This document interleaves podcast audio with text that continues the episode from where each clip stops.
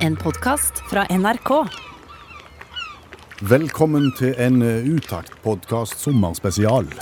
Ja, den er satt sammen av litt nytt, litt gammelt og litt eldgammelt. Especially for you. Special price for you, my, my darling. Special, we want massage.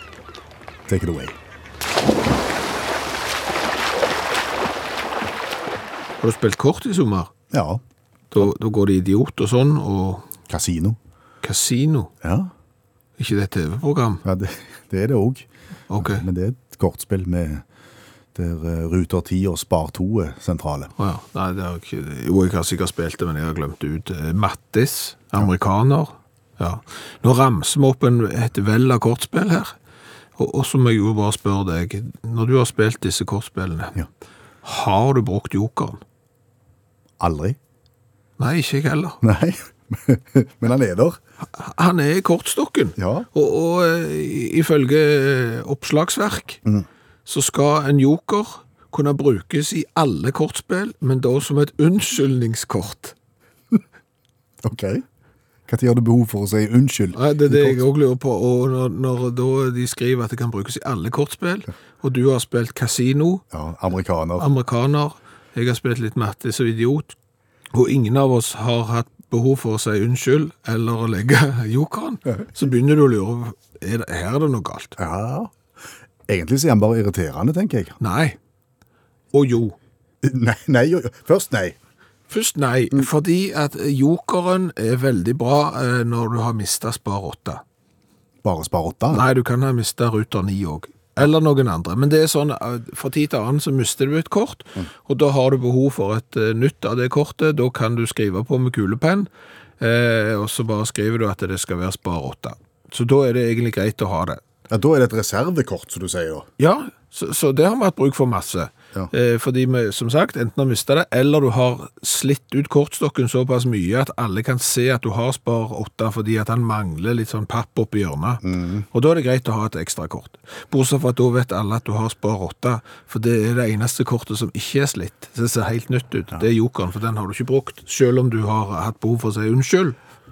Ok, det var fordelen med jokeren. Ja. Eh, Ulempen med jokeren det er at han alltid er i veien. fordi at hvis du, alle kortene er intakt, og du ikke har behov for en Spar åtte, Mm. og du skal stokke og du skal dele ut, og så nei, så fikk han jokeren, og den skal jo ikke være med, og så må du bytte, og så er det frem og tilbake. Ja, det er en annen ulempe òg. Det, det er jo at når du skal skrive den om til å være Spar 8, Ja. bare eksempel for kan være Ruter 9 òg, så må du jo Hvorfor er det da motiv på han? Kunne han ikke bare vært blank? Hvis han var et reserve, reservekort, unnskyldningskort. Ja. ja. Du, du trenger jo ikke ha bilde på. Nei. Det blir bare å gjøre det enda vanskeligere. Kunne det ikke bare vært blankt? Men hvorfor er det et bilde av en eh, litt rar mann med, med rar hatt? Eh, jeg tror historien er lang og mannslungen, og det handler om dårlig diksjon. Jeg er ikke helt bombesikker. Jokeren har kommet som et resultat av dårlig diksjon. Ja, jeg tror det. Fortell. Nei, men altså, nå, nå, det kan hende at Kort Norge nå sitter og rister på hodet av de der to idiotene som sitter i det der radioprogrammet, for det er mm, visstnok da kortspill der jokeren har, har en rolle. Ja vel. Det er nok i Canasta. Ja. Har du spilt det? Nei. Nei, ikke jeg heller. Eh, Så er det i Rømmi. Har du spilt det? Nei, men det har jeg hørt om. Jeg trodde det var noe du drakk, men det er en annen sak. Og så er det Aukr. Aukr. Er det et spill? Det er et kortspill. Et amerikansk eh, kortspill for fire personer, to par. Eh, jeg skal ikke gå inn i reglene, jeg kan det ikke heller. Nei, nei. Eh, men det er der jokeren ble benytta første gang, visstnok. I Aukr? Ja, og, og tilbake til det med, med diksjon, fordi at Øk, eller noe der omkring Det høres fransk ut, det. Nei, ja, men altså, det er basert på det franske spillet Ekart, og Ja. der kommer jo jeg inn med, med full uh, tyngde på fransk. Ekart. Og så eh, kommer amerikanerne da og lager sin egen versjon, som skrives. Og, så eh, klarer da amerikanerne på et eller annet finurlig vis å si yoke. Aukr blir til Joker. Det blir til yoke, i hvert fall. og, og så, sant, du vet hvordan det er når mange fjør blir til høns og sånn, og ting får lov å balle på seg. Til slutt så blir det yoker. Ja. Ja. Men hatten har vi ikke Det, og, ja, men da er det jo liksom en narr, Oh, ja. joker, en narr, og, og så begynner de å, å gjøre om denne figuren på disse joker-korter Skjønner. til en uh, narr. Og så har det blitt sånn, Og, og jeg syns det er helt unødvendig. De skulle vært blanke. Ja. Bruk en joker i Gnav.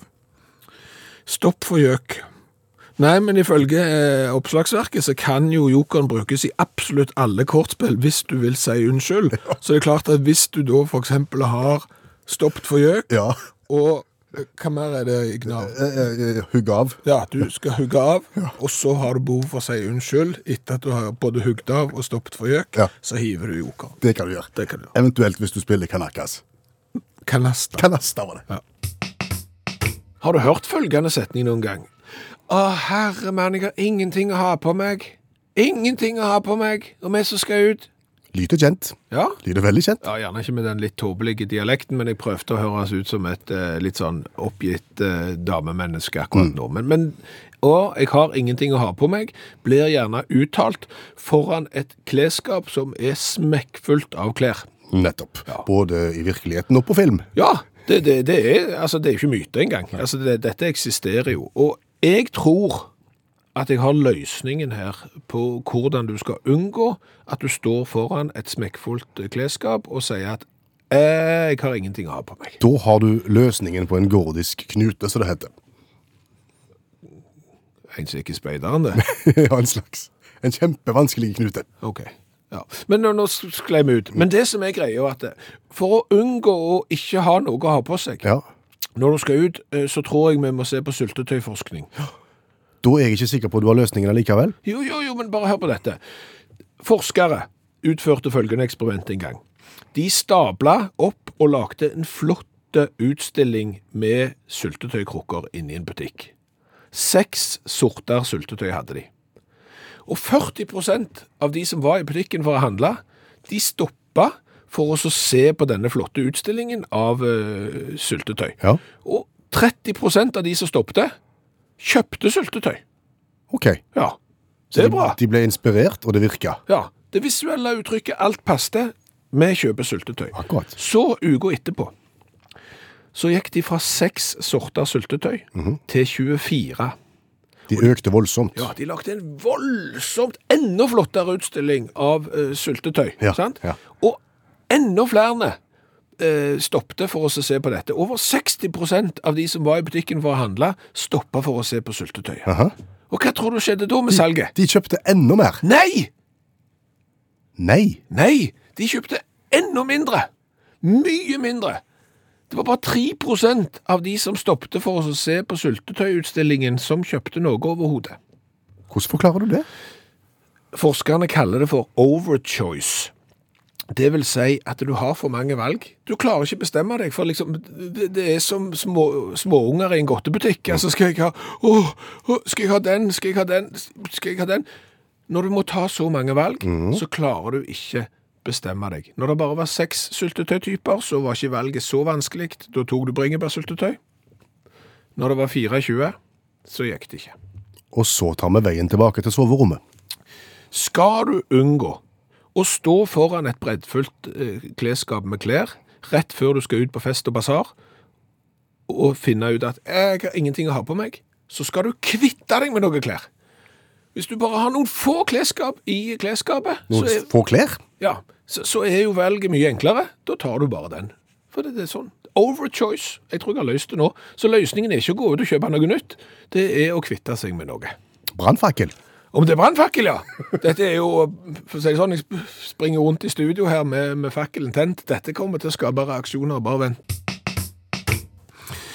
Jeg har ikke vært i Sør-Korea i sommer, og skal heller ikke til Sør-Korea i sommer. Nei. Eh, det vet du at det skal ikke jeg heller. Nei, det, det vet jeg. Men jeg kjenner heller ingen som skal. Nei. Men så er det jo sånn med dette radioprogrammet at vi liker jo å være i forkant, vi liker jo å være proaktive, framoverlente på grensen til at du går på nasen. Og hva skal du gjøre da? Den dagen når du faktisk bestemmer deg for at, nei, vet du hva, eh, nå drar jeg til Sør-Korea. Nå er jeg fullvaksinert, nå er det bare å dra. Ja. Jeg vet ikke. Jeg vet ikke. Men eh, allmennlærer med to vekttall i musikk, eh, Olav Hove, forslag til hva en kan gjøre i Sør-Korea? For eksempel kimchi-museet. Kim Ski. Ja, kimchi, jeg kjenner til den maten. Det er fermentert kål. Det er, Nei, Fermentert kål. hva betyr fermentert? Nei. Råttent. Det heter det. Råttenkålmuseum. Ja, men det er matretter. De var så glad i kimchien sin, da. Eh, Og det har de eget museum for i Seoul, som er en forferdelig svær by. Eh, 60 varianter av kimchi finnes det. Og det, det, alle 60 blir framstilt. For det er sånn at du kan fermentere andre ting enn kål. Du kan fermentere kinakål, f.eks. og alt, alle andre ting som har blad, kan du fermentere. Og Det viser de fram der. Og så har du, det, har du en temautstilling som heter 'Fermentert kål som slankemiddel'. Og det tror ikke jeg er vanskelig. hvis, du, hvis du kun lever på det. Er det populært? Er det mange som besøker Fermentert kålmuseet? Nei, ganske lite, da, sier jeg. Altså, det er 200 kvadrat cirka, så det vi tror at det er ikke så mange som besøker det. Jeg har, sitter ikke på noe besøkstall. Men hvis vi går til et som virkelig er besøkt, så er det Mr. Toilet House i Suvan. Det er rett og slett et toalettmuseum. Eh, og det er museet som, og det, er alle sånne temamuseum i, i, Sør-Korea lett å finne, for de er forma som det det er museum av. Oh, ja. Ja, så forma som et svært vannklosett. Eh, og det er bygd da for å feire etableringen av Verdens toalettorganisasjon. Jeg vet ikke om de er kjent med at det er noe som heter det, men jo WTO, jo. jo ja. World Toilet Organization. er En av de store. Ja, etablert i 2001 i Singapore, og Jack Sim han er jo en ambassadør for sanitasjon. En verdensambassadør.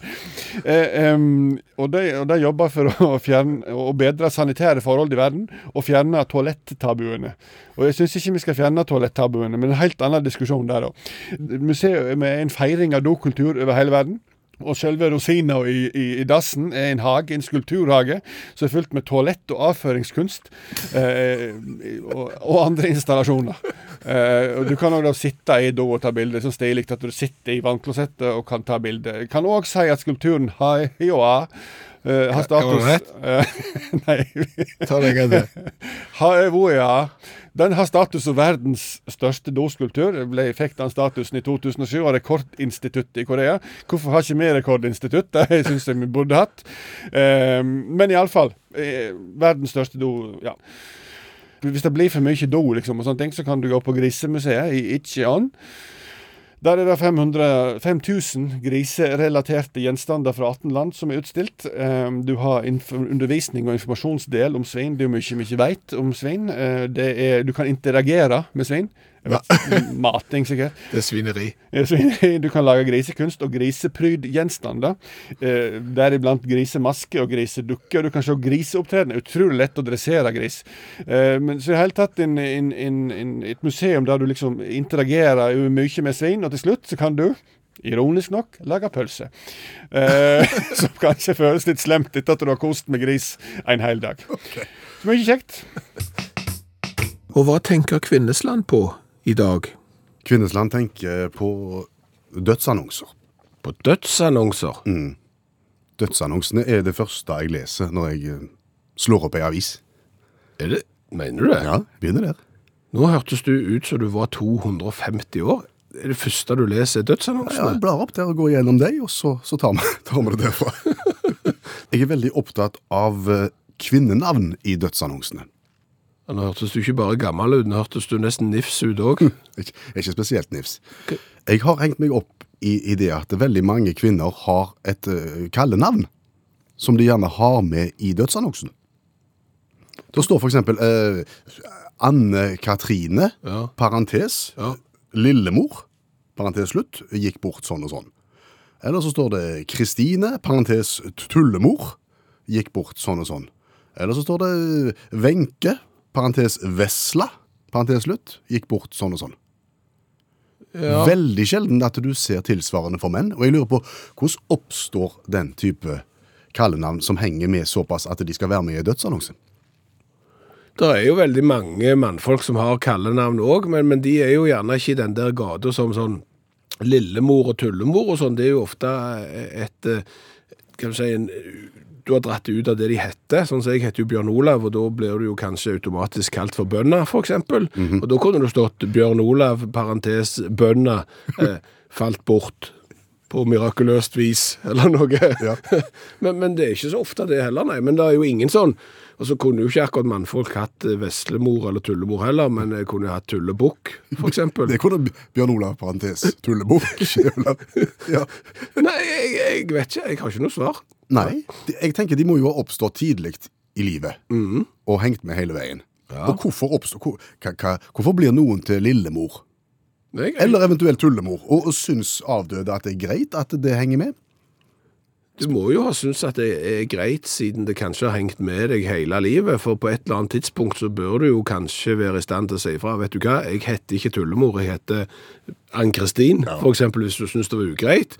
Eh, Så da lar du bare Tullemor være, hvis du syns det er greit. Og, og tullemor kommer fordi at eh, du har vært en, en artig liten jente som har tøyst og tulla og og vært et muntrasjonsråd. Det trenger jo ikke være negativt, men jeg, jeg Nei. tenker jo at det, kanskje kan være eh, noe som er i ferd med å dø ut. Det passet gjerne ikke i forbindelse med, med dødsannonsene dine, men jeg kjenner noen som har vært sånn tullemor og veslemor og, og disse greiene her, men jeg kjenner ingen som blir kalt for det nå, som er liksom konfirmasjonsalderen Nei. og pluss. Nei. Så det kan jo hende at det er noe som er i ferd med å forsvinne. Du har liksom ikke tullemor som spiller spiss på, på jentefotballaget.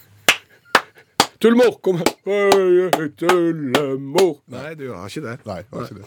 Kan det skyldes at eksempel mor og datter har samme navn? Og for å skille eh, da, ikke skape forvirring, så bytter du ut uh, jentenavnet med lillemor, eksempel. At du har mor som er eh, voksen, og så lillemor. Nå datt jeg av. Gjorde du det? Ja. Ja. men tenk at mor heter Hilde, for Ja. Og så, så, så oppkaller de datter etter Hilde, som også heter Hilde. Og så blir det litt forvirring. Hvilken Hilde snakker du om? Okay. Og så bytter du ut lille Hilde med lillemor. Litt sånn som du skiller Knut uh, senior og junior på herresida. Oh, sånn ja. Ja. For det er jo ikke junior og senior på damevarianten. Nei, det er det ikke. Nei. Jeg kjenner ingen som heter Hilde junior, fordi mora heter Hilde. Nei. Altså, junior, det er jo sånn som gjerne mannfolk som har hvite skinnseder i bilen sin, og, og har et fornavn som inneholder både bokstaven C, H og kanskje X, eh, bruker når de vil kalle sønnen sin for det nøyaktig det samme som seg selv, fordi at de synes at de er så bra at de vil videreføre den storheten i sin egen sønn. Da blir det eksempel Christian med CH junior, og så har du Christian senior da. Men det finnes ikke Kari junior, nei. Nei. Fins det noen tilsvarende varianter? Bortsett fra lillemor og tullemor? Jeg har ikke peiling. Nei. Det er det som er så greit med utakt. Her får du mange spørsmål og veldig få svar. Hallo, ja? Hallais, Klingsheim! Hei, Stavanger-smurfen. Stavanger-kameratene, go, go, go! Jeg skal trege deg igjen. Men du! Ja. Om du fikk med deg de som ikke fikk jobb fordi de heter Assan og Hassan og Mohammed og de?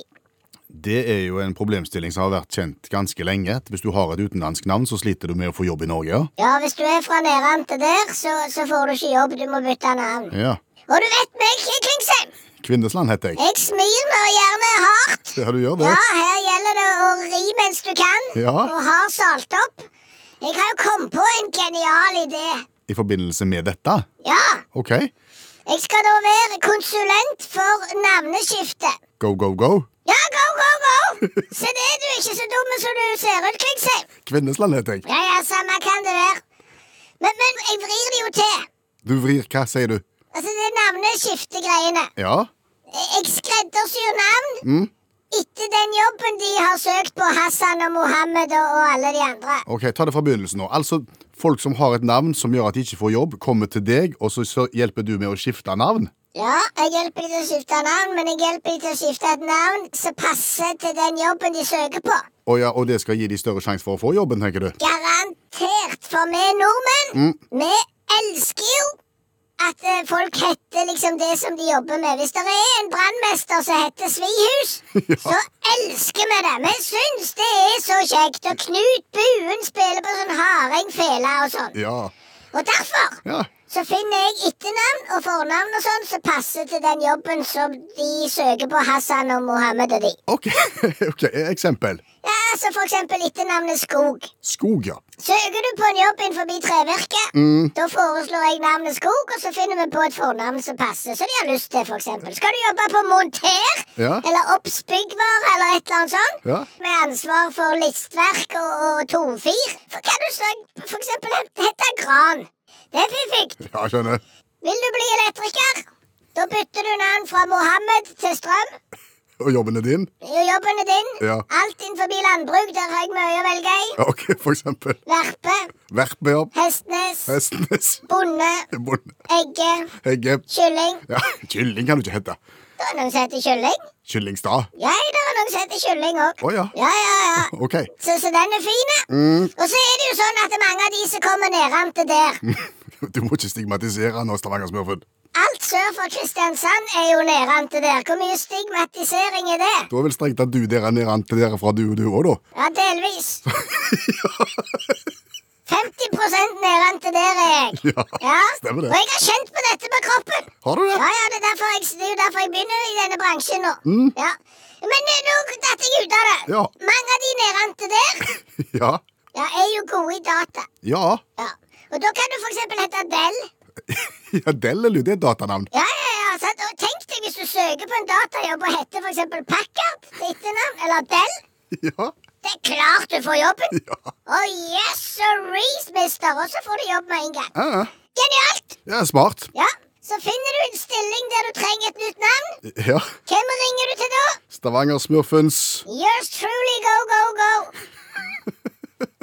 Dette fikser vi, Klingsheim. Kvinnesland heter jeg. Ja, ja, men snart kan du bytte.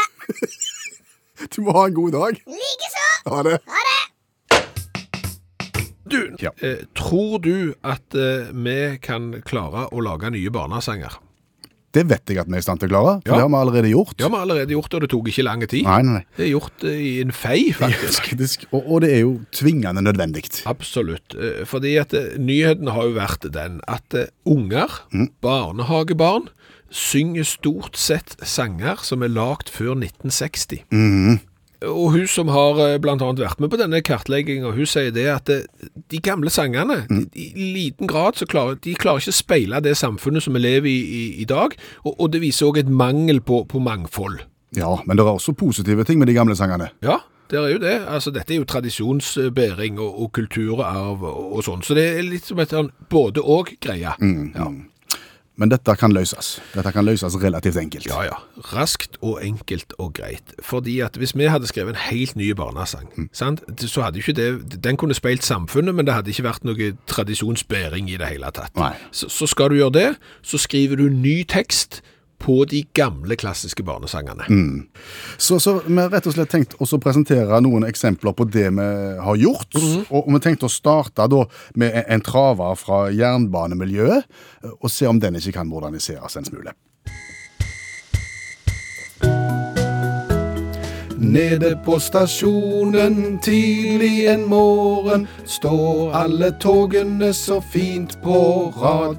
Men skinnene er gamle, signalanlegget utgått. Tj, tj, tj, tj. Buss for tog. Så har du da Gubben og gamla. Ja. Det er jo en klassiker.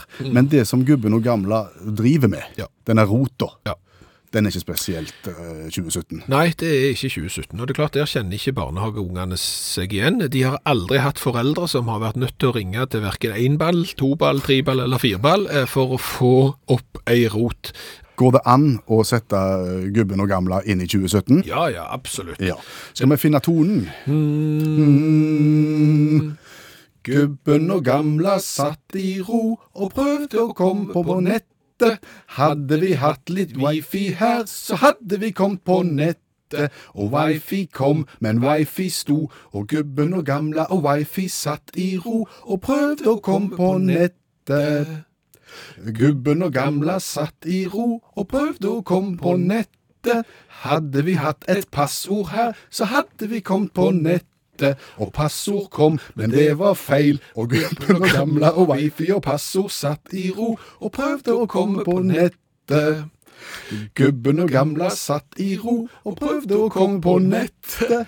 Hadde vi ringt supporten nå, så hadde vi kommet på nettet. Support ble ringt, men der var kø, og gubben og gamla og wifi og passord support satt i ro og prøvde å komme på nettet.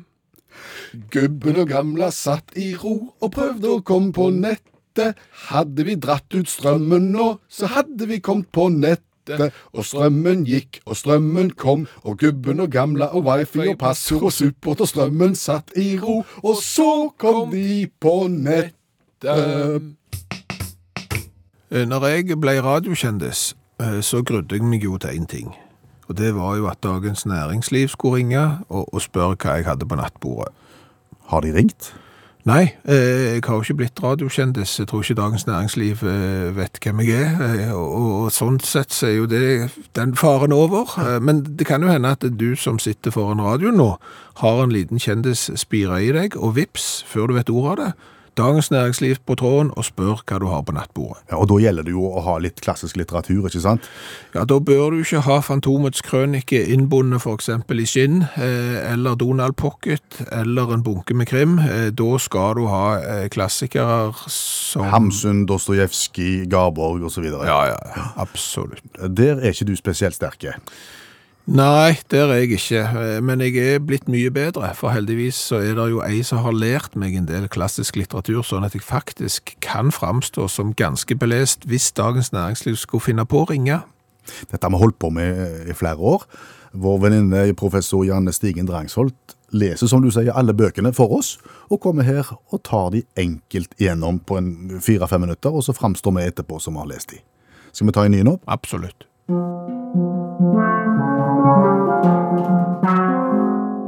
På vandring med et esel i svennene av Robert Louis Stevenson fra 1879. Ung mann med kjærlighetssorg drar til Frankrike for å komme over kjærlighetssorg. Han vandrer i tolv dager i svennene sammen med et esel som viser seg å ikke være spesielt samarbeidsvillig, men som han likevel blir glad i. Og så drar han hjem igjen. Var sta, Ja, det er eselet. ja. Ok. Denne boka for det første er enormt løyen. Jeg ler meg i hjel. Og så er han eh, veldig gjenkjennelig, fordi han eh, får liksom hjelp av alle i hele landsbyen til å pakke på dette eselet, og ser jo at det, det fungerer veldig dårlig. Men så syns de at han er så dum, så det at han klarer liksom ikke å, å Han må bare late som dette går kjempebra. Så han vandrer liksom ut av byen med dette eselet, og så håper han at pikkpakket ikke detter av før han har kommet rundt hjørnet, sånn at det, han kan liksom ordne det uten at de ser det, da. Men, men hva land var det han fikk kjærlighetssorg i først? Det var i England. Ah, ok. Og han er en sånn ung aristokrat som ikke er veldig vant med å gå, i hvert fall ikke er vant med esler, og ikke er så veldig vant med franske landsbybeboere. Så han ble jo liksom sånn Hvem er disse folka? Gå vekk. Eh, og jeg vet ikke hvordan han liksom prøver Han vil ikke slå eselet, da. Så han er veldig sånn Kan ikke du komme hit? Og sånn. Så folk ler jo av han under hele denne turen, fordi han ikke liksom banker dette eselet med en stokk. Så den er kjempeløyen og veldig bra, og det er den første friluftsromanen som er skrevet. Altså, eller egentlig så er det jo en sånn en reisebeskrivelse, da. Men den første som handler om eh, å, å telte ute og gå tur eh, på hobbybasis. Så det er jo eh, egentlig en bok som den norske middelklassen bør kjenne seg Den norske turistforening, Ja, tenker jeg. faktisk. Mm. Eh, Så han beskriver liksom hvordan han får lagt eh, sydd en sovepose, og mye sånn praktiske ting som skal gjøre hvis, hvis det begynner å regne og sånn. Den dag i dag så er det faktisk ganske vanlig å gå denne ruta som han, som han gikk, da. Må du ha Eh, med esel, da? Ofte så har folk med esel òg, høres veldig stress ut, syns jeg. Men, men det er visst ikke helt uvanlig å leie seg et esel, og så, og så gå liksom den samme ruta som, eh, som Stevenson. Og det er en sånn lokalhistoriker som har sagt at det, for de som bor i det området, så har boka blitt kjempeviktig fordi eh, han viste landskapet som gjør oss til det vi er. Nå er det jo kanskje mange som hører nå som ikke vet hvor eh, sevennene i eh, Frankrike er, og da kan jo han som har vært au pair i Frankrike hjelpe til bitte litt. Hvis du setter deg i bilen og kjører fra Marseille til Lyon på A7, da har du sevennene til venstre. Da noterer vi det. Ja. Mm. Så, så greit er det. Jeg noterte meg navnet på forfatteren, Robert Louis Stevenson. Ja. Da tenker jeg Skatten på Ja. Sjørøverøya. Fordi at han begynte å skrive denne boka her.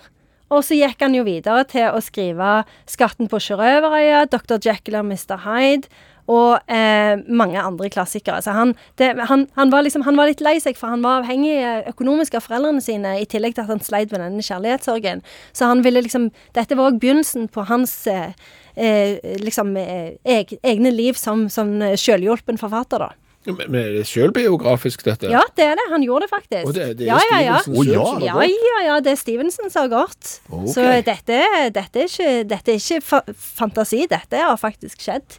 Så eh, Stevenson, altså. Her, to tomler opp. Han kom i mål med Slett til slutt, eller? Ja, ja, ja, han gjorde det, og, og syntes det var veldig trist. Når Stevenson til slutt skal selge eselet sjøl, så må han òg felle et par tårer. Han ble faktisk. glad i eselet. Han gjør det. Det er veldig rørende.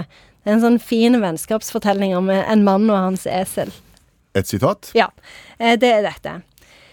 Hvis vi finner så mye som en vi kan snakke til rett fra hjertet, en vi kan vandre med i kjærlighet og uten forstillelse, har vi ingen grunn til å krangle, verken med verden eller med Gud. Eller esler. Eller esler. Og kanskje eselet er den vennen som du kan snakke med om alt. Dette fikk jeg lyst til å lese. Det gjorde jeg òg. Vil du oppsummere? Det kan jeg godt. Eh, Stevenson eh, får eh, kjærlighetssorg, reiser til Frankrike, kjøper seg esel og skriver da en reiseroman fra denne turen, som lærer oss å sy sovepose og lage telt, og helt sikkert en sånn gapahuk òg. Han understreker òg at det er ganske viktig å ta med seg en flaske med Beaujolais. Beaujolais Nouveau, da. Ja, jeg regner med det. Ja. Smaker ikke godt. Det er bare tull. Er Ferske vin, bare rør. Ferskenvin, det er peach canay, det. Ja, det er pitchkanei, men det er noe annet. Det er noe av det fremste Ta med det, Polen har å heller. by Ta på. med det. Ja. Ta med esel og pitchkanei, faktisk, så kunne boka og turen blitt enda bedre. Tusen takk, Janne Stigen Drangsholt, forfatter og litteraturviter. Du har hørt en podkast fra NRK. Hør flere podkaster og din NRK-kanal i appen NRK Radio.